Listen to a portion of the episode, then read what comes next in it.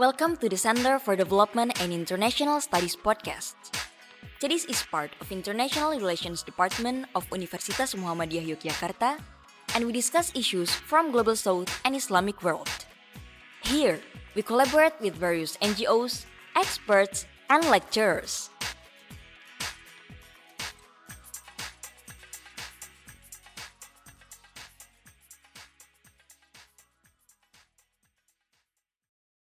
Bismillahirrahmanirrahim. Assalamualaikum warahmatullahi wabarakatuh.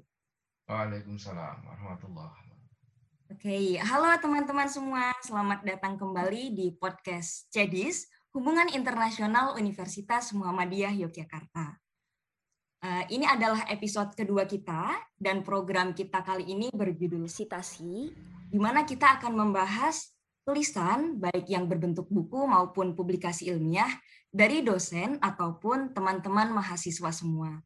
Nah, seperti biasa, di sini saya Caca, sudah bersama dengan narasumber kita hari ini.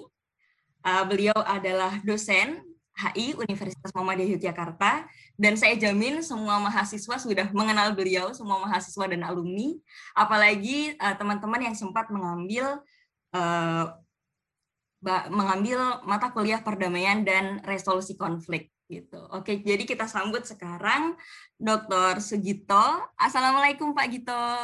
Waalaikumsalam Caca. Hmm, apa kabar Pak? Alhamdulillah sehat. Semoga kamu juga sehat selalu.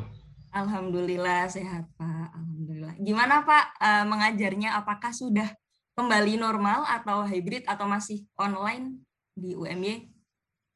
Masa pandemi masih mengharuskan kami untuk online, Cak. Jadi belum ada hybrid ya. Kita masih hmm. menggunakan platform My Class sama uh, pertemuan-pertemuan online lewat beberapa uh, apa media conference. Jadi belum ada kita ketemu di kelas ini. Saya sudah kangen juga sama kelas sama teman-teman. Oke. Okay. Tapi so far semuanya aman ya Pak ya? Maksudnya terkendali semuanya lancar gitu ya Pak ya? Alhamdulillah, baik saya maupun uh, eh, UMY, Alhamdulillah dalam kondisi yang sangat baik. Kita juga masih beraktivitas, insya Allah masih produktif. Ya, teman-teman juga masih uh, bisa menjalani kuliah dengan baik juga. Hmm, Oke, okay, baik. Uh, baik teman-teman, jadi uh, saya bersama Dr. Sugito saat ini, dan hari ini kita akan berdiskusi mengenai toxic institutionalism in security sector reform, Lesson learned from the failure of building security institution in East Timor. Nah, tapi sebelumnya saya akan membacakan profil singkat dari Dr. Sugito. Hmm, Dr. Sugito merupakan dosen tetap di Prodi Hubungan Internasional Universitas Muhammadiyah Yogyakarta. Beliau mengampu beberapa mata kuliah termasuk OII atau Organisasi dan Institusi Internasional dan berfokus pada perdamaian, pada bidang perdamaian dan resolusi konflik. Nah, selain tulisan Bapak Gito yang saat ini yang akan kita diskusikan, beliau juga sudah menulis beberapa publikasi lain, di antaranya adalah Liga Arab dan Demokratisasi Dunia Arab pada tahun 2015, sedang tulisan tentang Timur Leste sendiri ada dua yang lain, yaitu Analisis terhadap Misi Peace Building United Nations Transition Administration in East Timor pada tahun 2013, serta Will Informal Institution Replace Formal Institution the primacy of church and umalisan in fostering community security in Timor Leste pada tahun 2020. Nah, mungkin langsung saja Pak Gito untuk bisa memaparkan uh, tema kita atau judul kita hari ini Toxic Institutionalism in Security Sector Reform, Lesson from uh, Security Institution in East Timor. Ya, terima kasih Caca. Uh, jadi artikel saya yang terakhir ini tentang institusi toksik ya di Timor Leste. Ini berangkat dari uh, suatu latar belakang permasalahan di mana saya melihat bahwa apa yang dilakukan oleh United Nations atau PBB dengan beberapa negara donor untuk membangun suatu institusi negara, lebih spesifik lagi adalah institusi keamanan negara Timor Leste pasca kemerdekaan tahun 99 itu mengalami kegagalan. Hmm. Maksud dari kegagalan di sini adalah institusi negara yang dibangun oleh PBB maupun lembaga donor lain itu dia tidak bisa menjalankan fungsinya secara optimal. Jadi saya tidak ingin mengatakan bahwa PBB itu gagal total gitu ya di dalam membangun institusi keamanan maupun institusi negara Timor Leste. Karena saya lihat uh, United Nation dalam hal ini misi-misi PBB di Timur Leste seperti uh, pertama adalah United Nation uh, Administration in Timor yang dia memang spesifik untuk membangun negara dan institusi keamanan, kemudian disambung dengan UN uh, MISET dan kemudian terakhir adalah United Nations Mission Integration in, this, uh, in East Timor, gitu ya. Itu mereka berhasil membangun institusi negara dalam konteks membangun organisasi dari uh, negara itu, ya seperti uh, PBB berhasil membangun angkatan bersenjata Timor Leste ya. Kemudian mereka juga berhasil membangun eh, PNTL sebagai Polisi Nasional Timor Leste. Mereka berhasil membangun uh, organisasi pengadilan di Timor Leste, gitu ya. Nah, tetapi organisasi-organisasi itu, badan-badan itu, itu mereka tidak bisa bekerja optimal. Justru yang terjadi institusi-institusi atau organisasi tadi itu justru menjadi sumber dari ketidakamanan masyarakat di Timor Leste.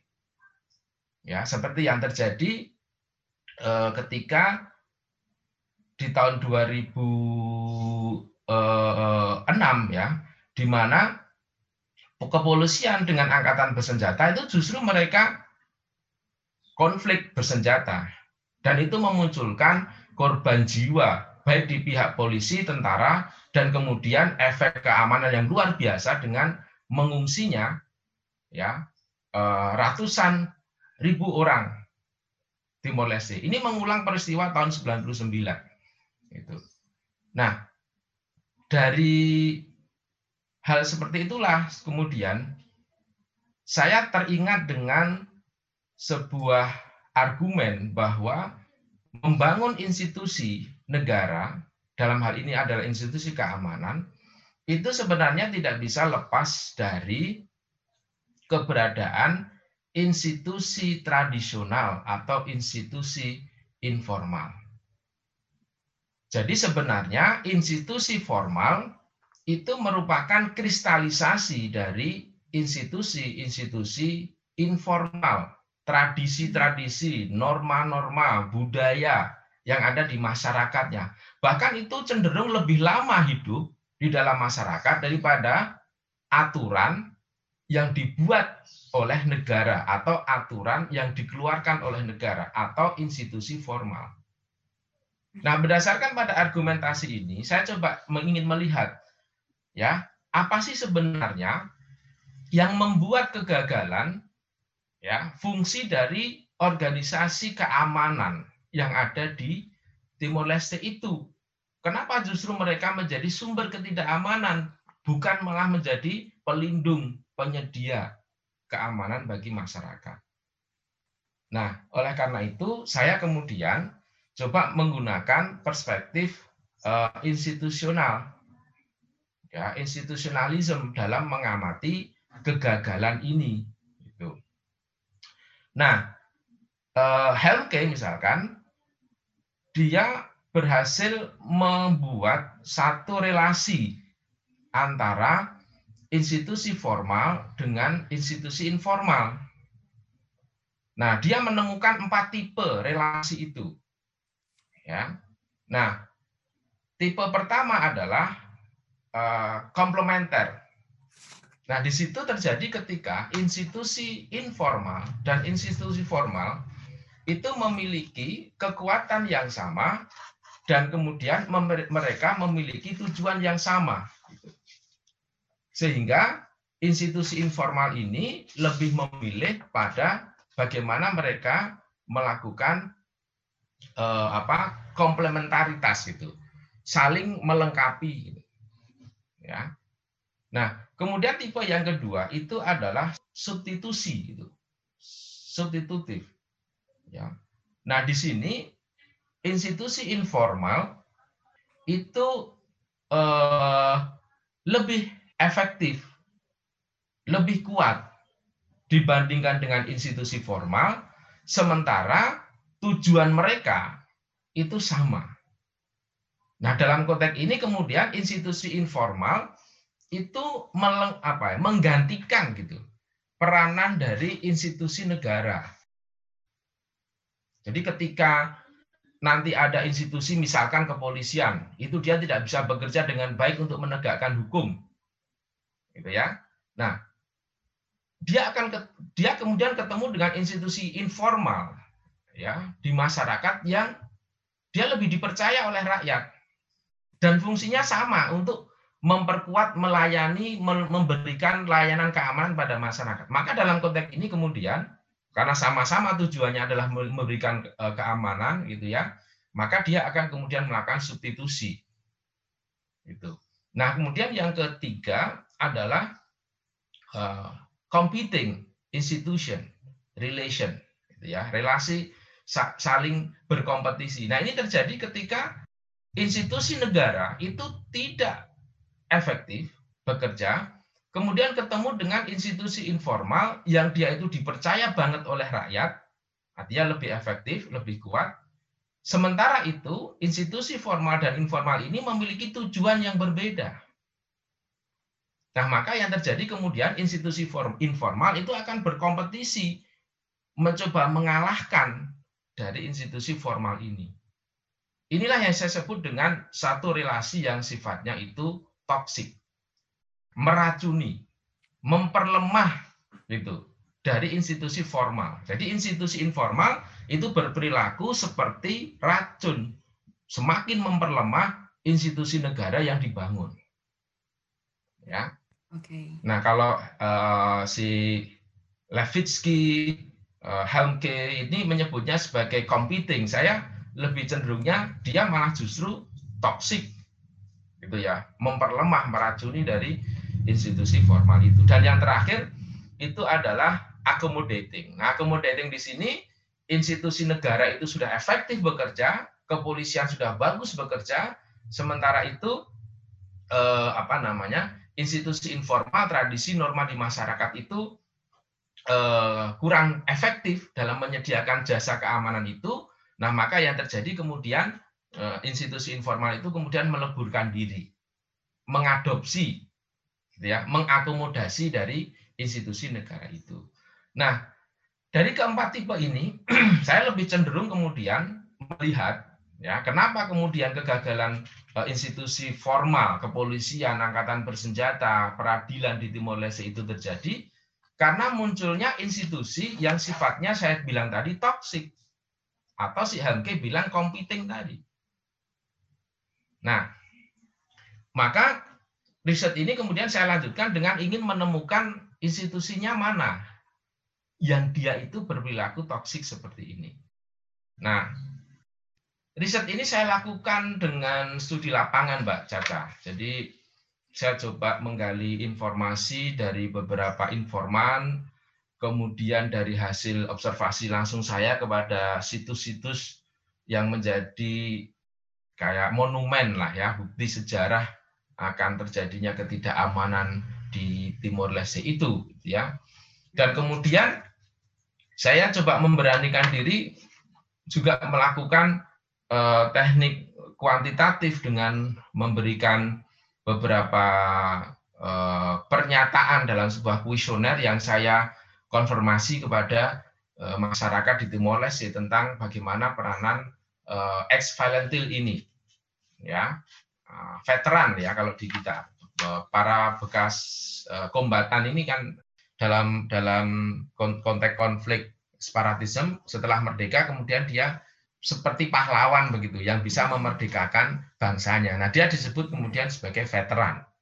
Ya, meskipun dulu ketika zaman separatisme ini terjadi ketika teman-teman atau rakyat Timor Leste ini dalam tanda kutip ya ingin pisah dengan Indonesia, mereka ini kita cap sebagai kombatan, pemberontak gitu, yang itu negatif.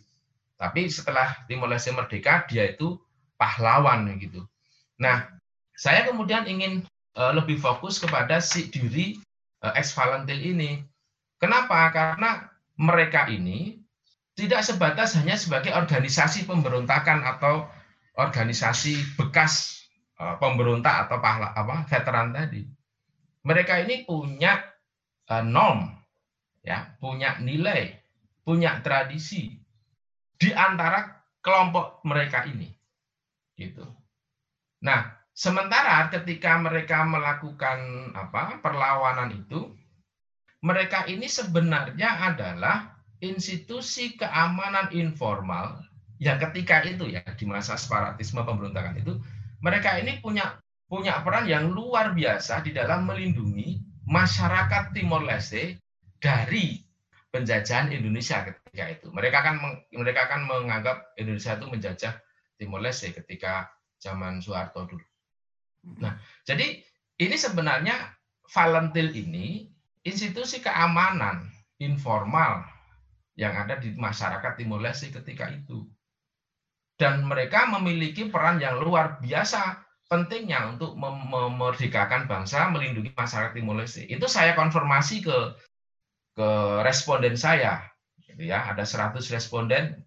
Saya uh, bertanya tentang uh, bagaimana peran uh, ex Valentil ini. Mereka mengakui itu dan sampai kemudian ketika kemudian saya apa saya konfirmasi ke para responden itu apakah Bapak Ibu itu apa sepakat gitu ya bahwa bahwa ex Valentil atau veteran itu harus dikasih privilege, diistimewakan setelah kemerdekaan, mereka mayoritas mengatakan sangat setuju hmm. karena karena saking uh, uh, pentingnya dari Valentin ini dalam menjaga keamanan kemudian merebut kemerdekaan Timur Leste ketika itu gitu ya ketika ketika perjuangan itu.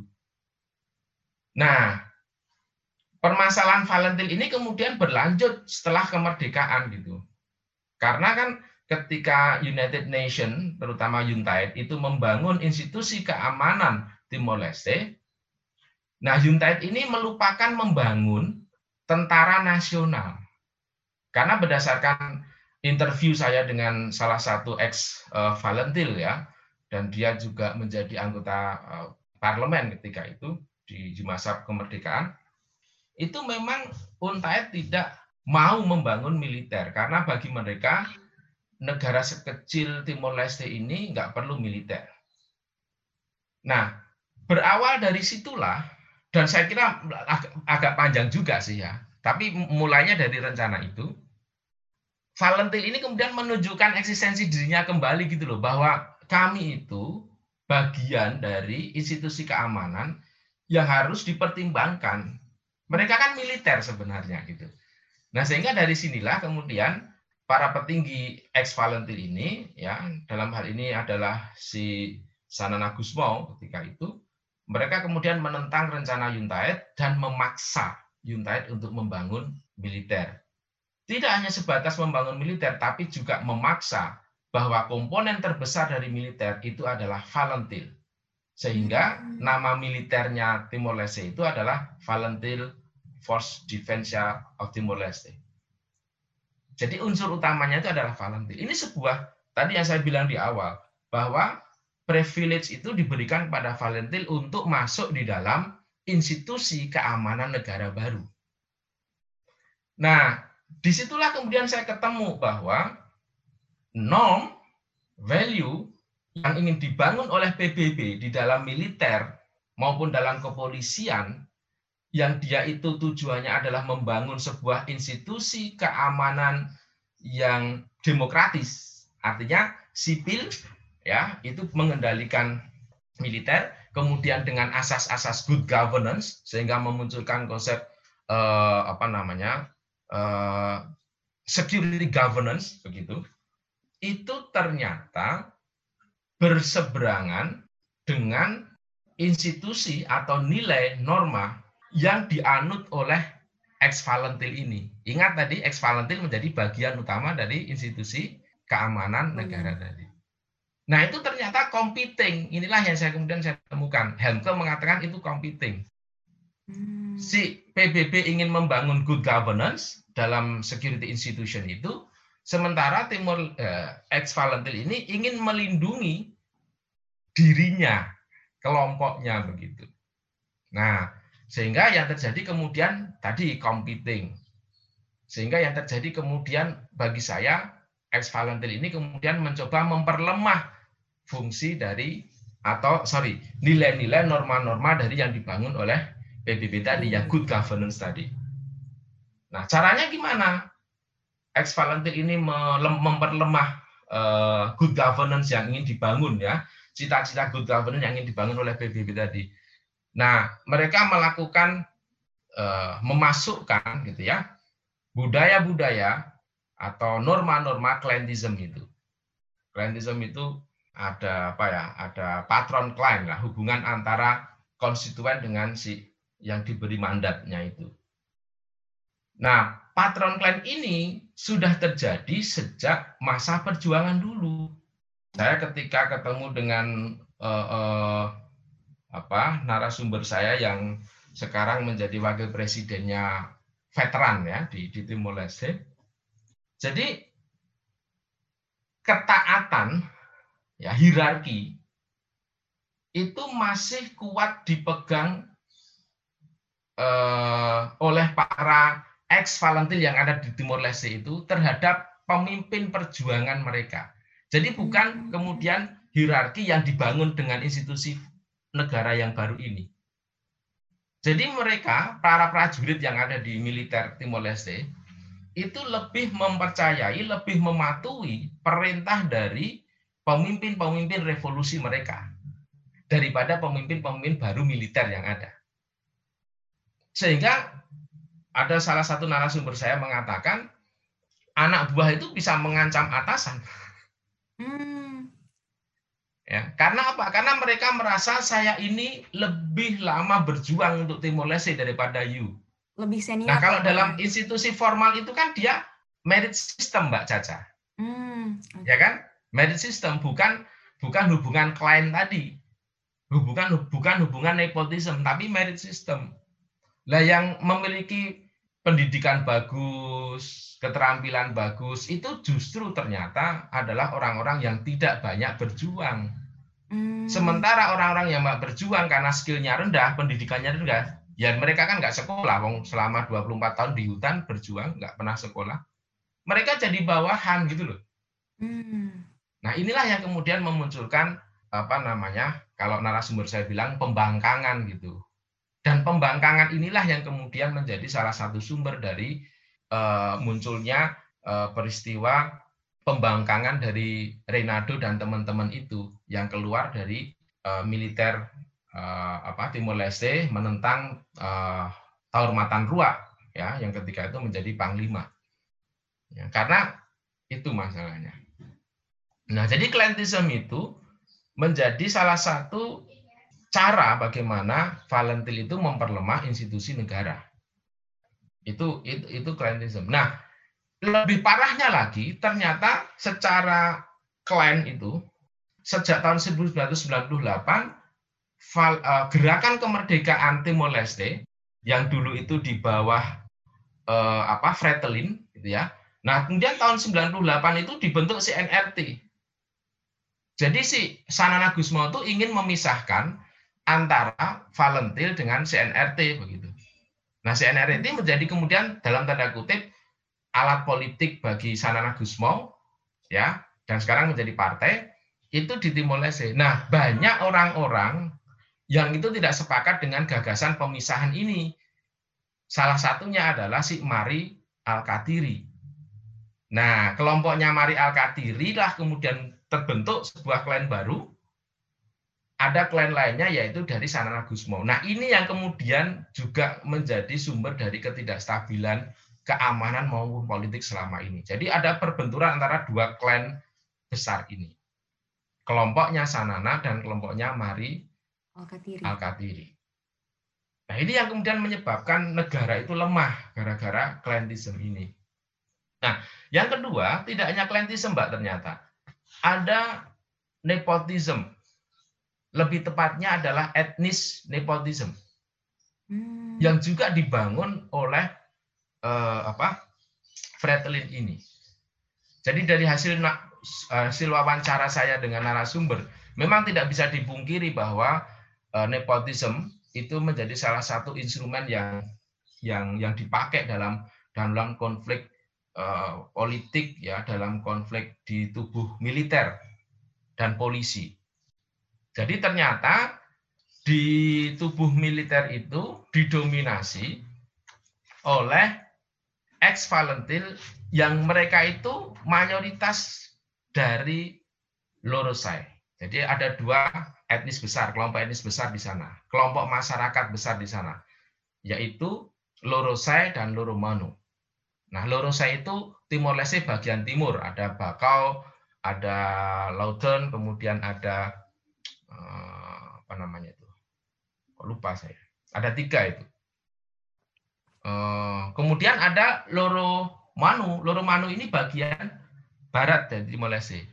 Nah, itu saya tuliskan di di dalam artikel uh, saya ini jadi ternyata institusi keamanan negara PNTL itu polisi ya dalam konteks ini PNTL itu polisi itu dominan etnisnya adalah Loromanu. Hmm. Di mana Loromanu ini diidentifikasi oleh teman-teman uh, Valentil sebagai orang-orang yang dia minim kontribusinya terhadap perjuangan melawan Indonesia atau bahkan mereka bahkan tidak berjuang. Jadi orang-orang baru gitu loh. Terus tahu-tahu polisi. Nah ini kan menyakitkan. Ingat tadi penjelasan awal, UNTAED tidak pernah mau buat militer. UNTAED hanya mau membuat polisi. Anggota polisi itu direkrut dari civil, civil police. Civil police itu direkrut dari ex ABRI, sorry, ex Polri, Polisi Republik Indonesia. Lah mereka kan musuh toh dulu. Hmm. Kok kemudian dalam negara baru mereka dikasih privilege oleh PBB. Nah ini yang membuat kemudian ex Valantil ini marah. Jadi polisi itu dibentuk PBB, dominan etnisnya adalah Loroman. Ya, dan dia minim. Nah, sementara FFDTL atau militer Timor Leste itu tadi ya, komponen utamanya adalah Valentil. Valentil itu mayoritasnya adalah Lorosai. Dan dia terlibat dalam perjuangan. Nah, nepotisme ini, etnis nepotisme itu ternyata dibawa ya entah itu kemudian menjadi instrumen atau memang menjadi unsur primordial yang menyebabkan konflik itu terjadi tapi faktanya bahwa nepotisme etnis ini dihembuskan sehingga muncullah konflik antara polisi dengan tentara di tahun 2006 itu. Nah, jadi dari temuan-temuan saya tadi, Mbak, ya, saya menyimpulkan bahwa memang ex Valentil ini menjadi eh, salah satu ya institusi eksperimental ini menjadi salah satu penyebab dari tidak efektifnya kepolisian, tentara, peradilan ya, atau formal security institution yang ada di Timur Leste dengan cara-cara mereka melakukan praktek-praktek klientisme dan nepotisme, terutama nepotisme etnis. Itu kira-kira eh, temuan saya atau yang saya tulis dalam artikel saya ini, Mbak Caca. Oke Pak, gitu menarik sekali ya Pak ya. Maksudnya eh, institusi yang seharusnya menjadi sumber keamanan yang bisa melindungi warga itu justru bisa berbalik menjadi sesuatu yang justru mengancam gitu ya Pak ya. Ya, ya. Uh, something new sih buat saya Pak jujur. kalau misalkan kita perhatikan dari judulnya tuh keren banget loh Pak. Toxic institution gitu kan. Biasanya kata-kata toxic itu identiknya kan dengan relationship gitu-gitu Pak, dengan dengan parenting seperti itu. Tapi ternyata toxic itu juga muncul di institusi gitu. Itu itu saya baru nemu satu sih Pak, tadi sempat googling gitu, toxic institutionalism. Baru nemu ya Pak gitu aja tadi itu. Istilah baru banget gitu. Terus uh, saya mau nanya nih Pak soal yang yang berhubungan dengan penelitiannya Bapak tadi. Berarti kalau misalkan kita lihat uh, norma atau nilai-nilai yang dipegang dari apa ya istilahnya masyarakat atau institusi yang terlebih dahulu ada di sebuah negara sebelum negara itu merdeka atau istilahnya uh, mendirikan apa ya mendirikan negara baru gitu itu sangat mempengaruhi ya pak ya uh, bagaimana kemudian negara itu uh, survive nantinya atau institusi yang dibentuk oleh UN dalam kasus bapak itu survive nantinya? Ya ya ya. Itu benar sekali mbak mbak Caca. Jadi uh, PBB itu sudah saatnya dia mengurangi lah ya. Kalau tidak tidak saya tidak ingin mengatakan harus menghilangkan ya. Mengurangi arogansi mereka dalam melakukan pendekatan terhadap negara atau masyarakat pasca konflik. Hmm. Kenapa saya bilang arogan? Karena PBB ini terlalu pede dengan cara-cara pendekatan liberal. Ah, I see. Ya, dengan cara-cara pendekatan liberal. Pendekatan liberal itu dari Immanuel Kant ya, dia tentang perpetual peace gitu ya, tentang demokrasi, hmm. tentang democratic peace gitu ya.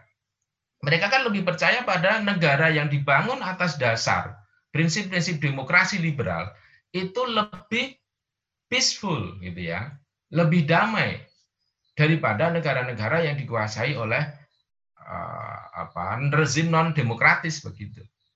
Dalam konteks mencapai democratic peace ini, PBB itu kemudian setiap kali ada negara yang habis konflik, ya atau baru tumbang dari sebuah rezim otoriter seperti yang terjadi di Irak misalkan, maka yang dilakukan PBB adalah bangun negara itu dengan prinsip-prinsip norma-norma demokrasi liberal.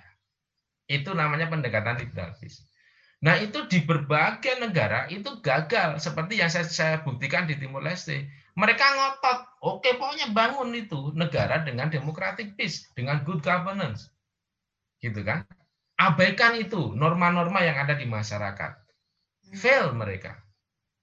Nah, kenapa dia dia gagal gitu ya? Kalau penelitian orang lain eh, biasanya terjadi karena kesulitan ini dari McGinty ya, kemudian dari si Gordon itu mereka sepakat bahwa PBB itu itu ya sulit sekali untuk melibatkan local ownership hmm. di dalam misi-misi liberal peace mereka karena arogannya tadi.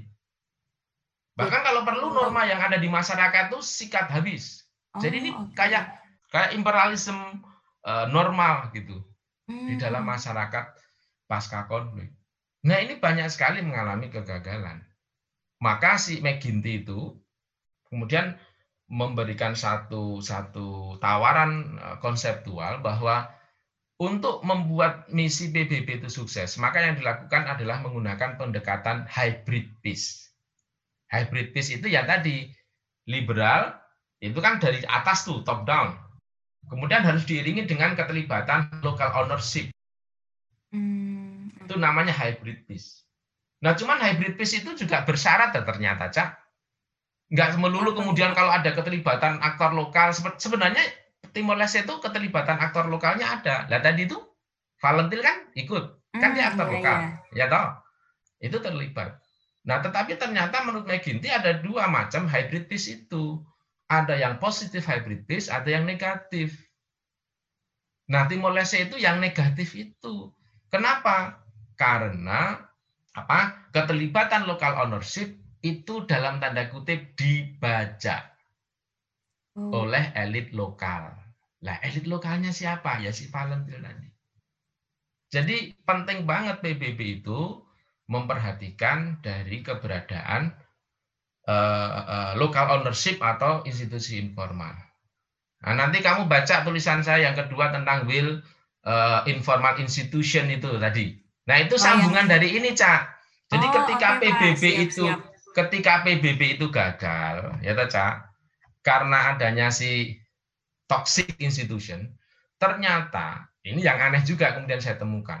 Jadi meskipun tentara itu gak, apa, polisi itu nggak bisa melindungi masyarakat, gitu kan, peradilannya nggak eh, nggak adil bagi masyarakat karena memihak pada para petinggi okay. Valentil. Tentaranya justru nangkut-nangkuti rakyat. Tapi Cak, ketika saya tanya kemudian kepada masyarakat, sorry, bukan saya yang tanya, nanti tidak saya disalahkan. Ketika ada survei dari Asia Foundation ya di tahun 2003, eh, kemudian 2015, yang saya temukan, yang ditemukan oleh Asia Foundation, justru masyarakat itu merasa feel good, bahkan Hmm. better. Loh, padahal di situ ada konflik nasional loh, ada polisi Iya. apa benturan dengan militer loh, tapi mereka merasa aman aja Pak, nggak apa-apa ya, gitu. Dari survei Asia Foundation. Maka ini yang menjadi tulisan saya yang kedua, loh kenapa kok bisa seperti itu? Oh, Nah, ya. berlanjutnya besok aja deh, Cak. Siap Pak, nanti saya baca dulu Pak. Kayaknya 3 SKS gitu Pak tuh. Berlanjutnya besok aja. No, ya siap siap. Jadi kenapa kok orang itu merasa I'm good, I'm fine, I'm secure. Padahal faktanya di tingkat nasional itu muncul ketidak ancaman ketidakamanan yang luar biasa. Ada apa di situ? Nah, saya lagi-lagi menggunakan pendekatan institusionalisme untuk menjawab itu. Tapi itu nanti aja deh. Oke, oke siap Pak. Tapi berarti kasus apa ya istilahnya pendekatan PBB itu akhirnya menjelaskan juga kenapa eh, saya rasa hampir di semua negara yang konflik di Timur Tengah itu juga akhirnya fail gitu ya Pak ya kayak karena itu tadi nilainya tidak terakomodir kemudian eh, yang Bapak bilang PBB terlalu arogan seperti itu. Hmm. Ya. Terus eh, kalau misalkan eh, yang sampai saat ini berarti kondisi di Timur Leste itu masih tetap seperti itu, Pak, tapi dengan masyarakat yang merasa peace itu tadi. Ya. Jadi riset saya ini kan eh, saya lakukan 2000 lupa saya, Cak, November 2018 atau 18, 19? Pak. Di tulisannya 18. Nah, 18 ya, lupa. Nah, itu itu saya tanyakan kepada Pak lewat kuesioner itu ya, saya tanyakan kepada masyarakat apakah eh, Anda merasakan keamanan yang lebih baik sekarang? Ya masih gitu.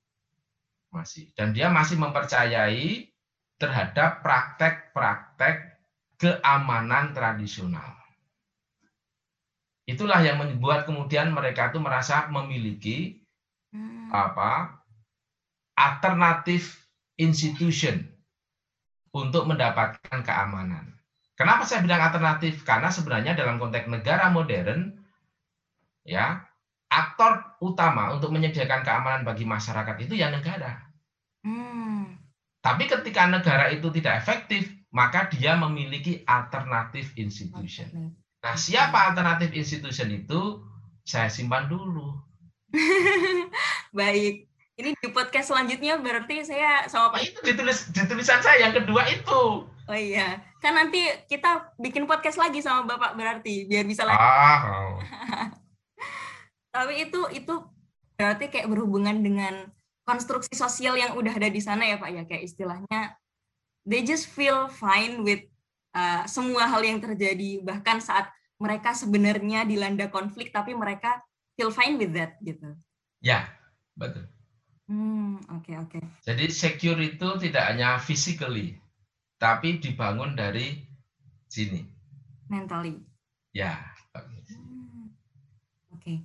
Terus eh, ini nih Pak, saya sempat baca juga eh, di penelitian Bapak yang ini. Tadi saya menemukan kalimat kalau misalkan di Timor Leste sendiri itu ada competition di antara negara-negara donor gitu untuk itu menyelesaikan masalah yang terjadi di Timor Leste. Kok bisa sih Pak? Kayak eh, kenapa kenapa ada overlap dari negara-negara donor kemudian kenapa mereka sampai berkompetisi gitu untuk bisa menyelesaikan apa ya masalah yang terjadi di Timur Leste while mereka uh, mungkin kalau dilihat secara kasarnya uh, tidak begitu mengerti norma-norma yang ada di Timur Leste atau itu hal yang sama sekali asing bagi mereka gitu. Kenapa Pak kalau boleh tahu alasannya? Ya. Ketika saya ketemu dengan uh, salah satu instruktur untuk polisi-polisi baru yang ada di Timor Leste, ya dia dia orang Timor Leste tapi dipercaya oleh PBB untuk menjadi instruktur terutama dalam materi hak asasi manusia. Kemudian juga saya ketemu dengan uh, uh, uh, penerjemahnya si Peter Cosgrove. Peter Cosgrove itu panglimanya Valent, uh, kok Valentin, uh, Interfed ya pasukan PBB yang ada di sana. Dia orang kepercayaan PBB juga. Salah satu yang menjadi penyebab dari kegagalan PBB maupun lembaga donor lainnya itu adalah mentality project. Jadi hmm. mereka itu cak melakukan sesuatu itu hanya orientasinya projectnya dan finish. Gitu. Nggak peduli pelatihannya diterima, diserap oleh peserta, nggak peduli. Katanya begitu. Yang penting ini ada paket buku ya, misalkan kan kalau kamu sering ikut pelatihan juga. Pelatihan hmm. paketnya 10 jam, nah, udah. Jadi kuantitatif. Dia tidak pernah mengevaluasi secara substantif begitu. Hmm, hmm, itu yang pertama. Nah, dengan mentality project itu, mereka kemudian kan memiliki apa ya gaya, taste, style, gitu ya, template sendiri-sendiri dalam menjalankan misinya itu. Ini dari sisi desain misi loh ya. Sehingga kalau misalkan Selandia Baru, itu kan ada di sana. Nah, dalam konteks melatih polisi, mereka dengan caranya sendiri.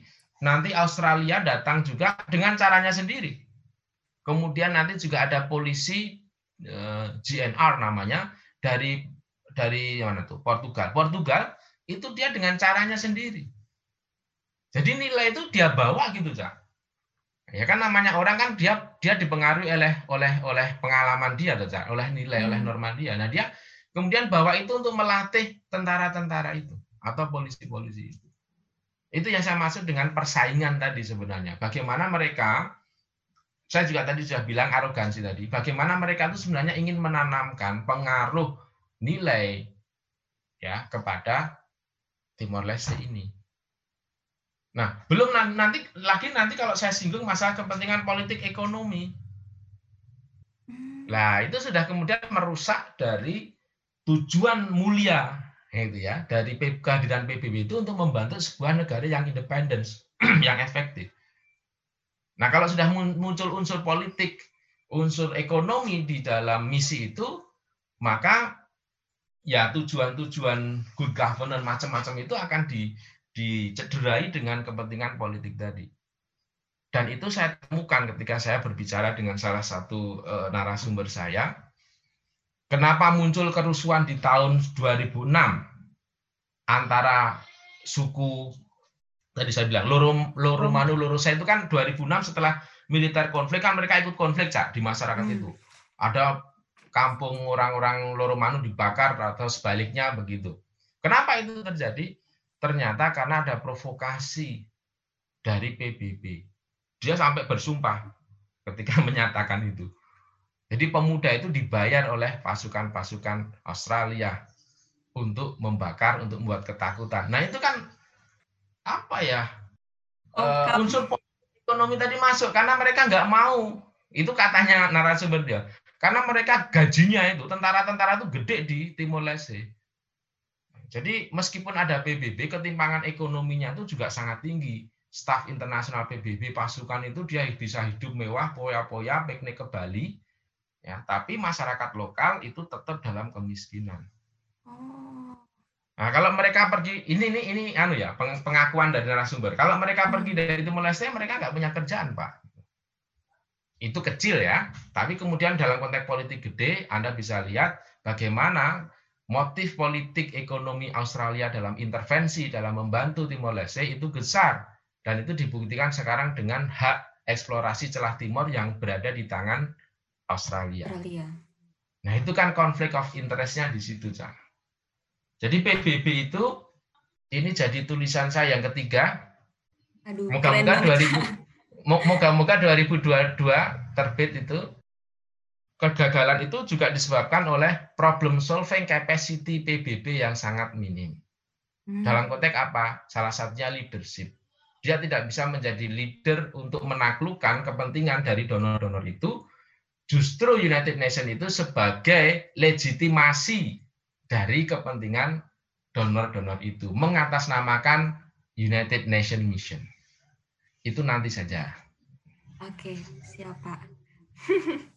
Oke, terus kalau misalkan kita balik ke yang polisi dan angkatan bersenjata di Timor Leste itu, Pak, kan sekarang berarti kan mereka yang istilahnya kalau dilihat secara kasat mata itu mereka demokratis gitu, tapi pada nyatanya uh, ada ada krisis yang terjadi di dalam negara itu gitu. Kalau menurut Bapak sendiri, kemudian seperti apa sih Pak penyelesaian yang baik gitu?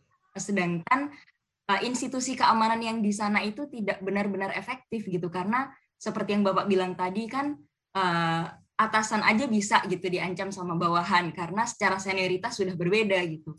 Kemudian bagaimana sih Pak menurut Bapak pribadi uh, hal ini kemudian bisa diselesaikan atau bisa uh, skala krisisnya itu menurun gitu Pak? Oke, Cak. Uh, masalah Timur Timur itu very complicated ya. Uh, jadi tadi saya sudah mengurai beberapa hal kan. Ya, kenapa kemudian Timor Leste itu menjadi begitu gitu ya. Satu hmm. karena kesalahan PBB ketika mendesain program. Yang kedua karena masalah uh, tadi tentang uh, budaya. Ya. ya, nepotisme, klientisme itu ya, informal institution itu. Kemudian yang ketiga masalah ekonomi. Masalah ekonomi itu uh, menjadikan apa ya prioritas-prioritas yang di yang dibawa oleh PB itu menjadi menjadi gagal. Ya. Ekonomi mereka sangat rendah, begitu ya.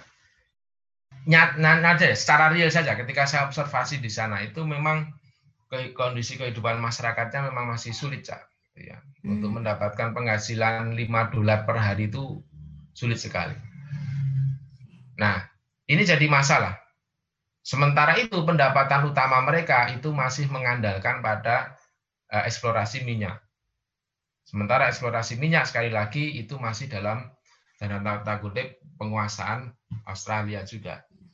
Itu itu agak sulit juga. Ada sih komoditas uh, pertanian seperti Eh, kopi ya di daerah air merah. Kebetulan saya juga ke air merah ketika itu.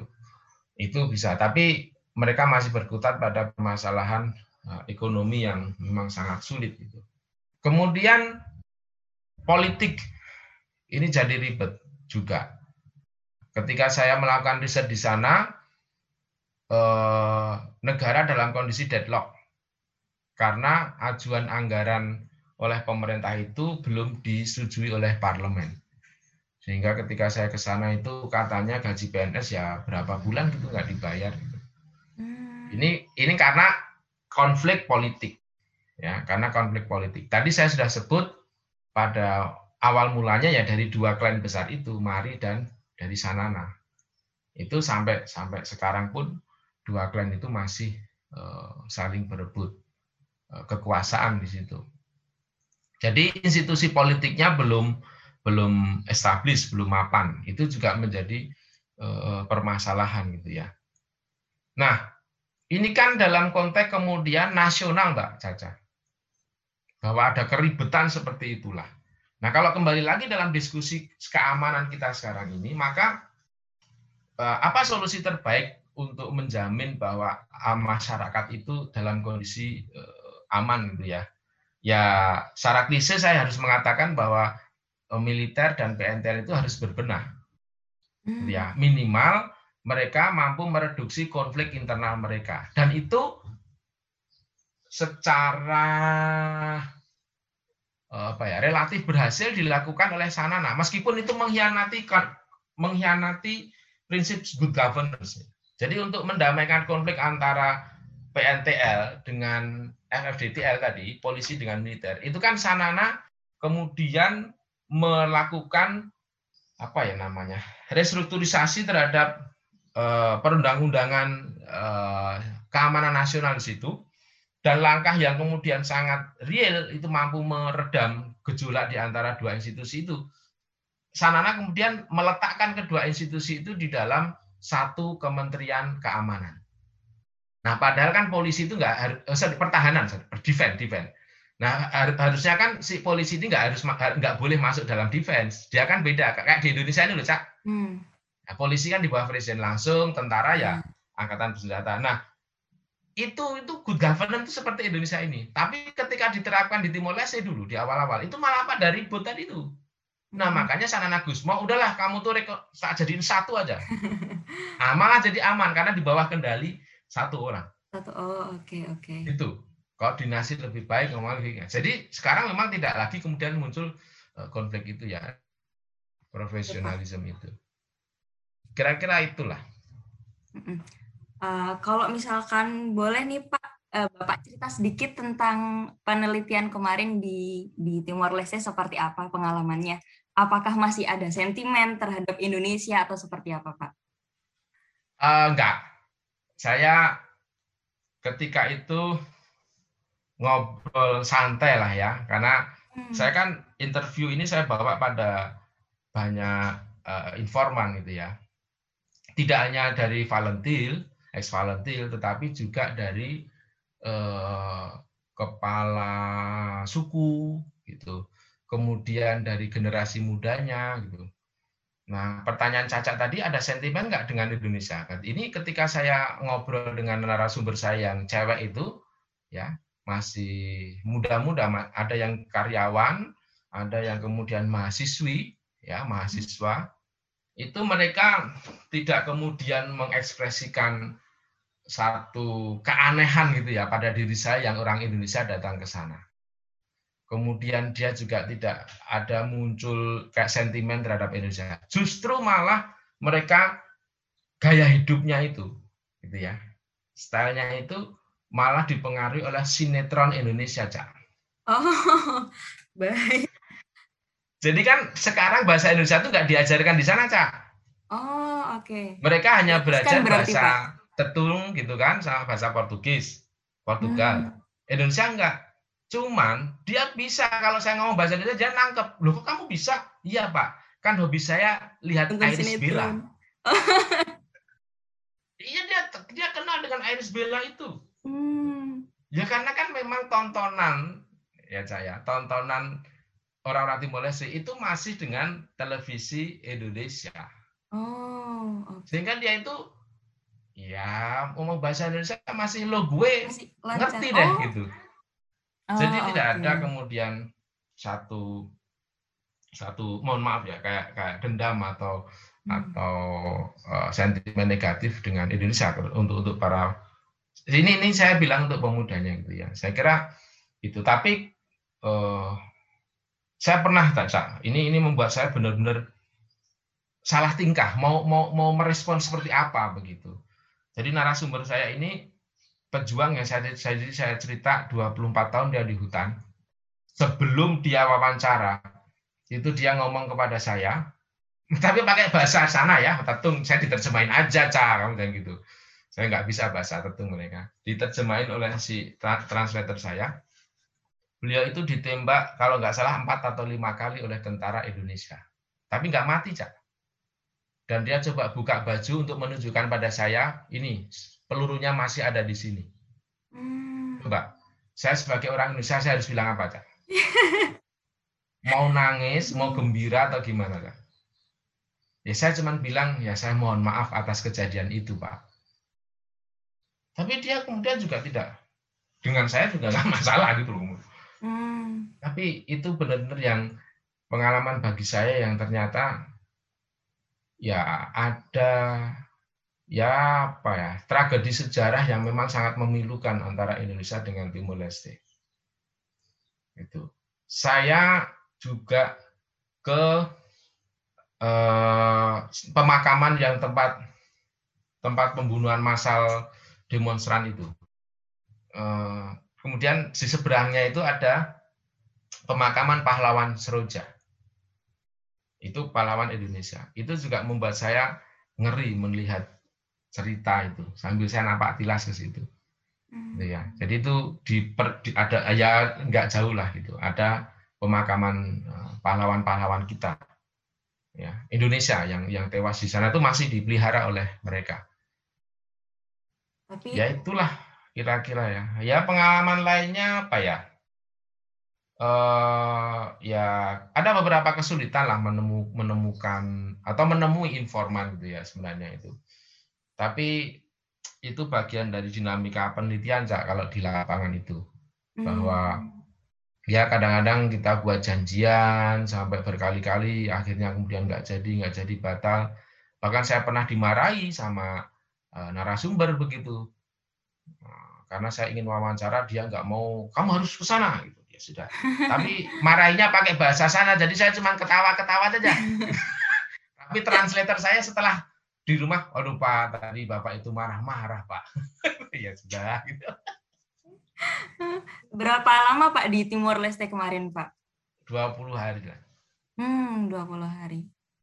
Hampir sebulan lah Pak berarti kan ya? Ya, dan memang ketika saya di sana itu sedang dalam kondisi keamanan yang kurang mendukung karena pas ketika itu terjadi uh, pembunuhan warga sipil oleh polisi. Dan saya hmm. menyaksikan di televisi mereka, kemudian eh, banyak di jalan-jalan itu biasalah tulisan-tulisan pilot protes warga itu gitu.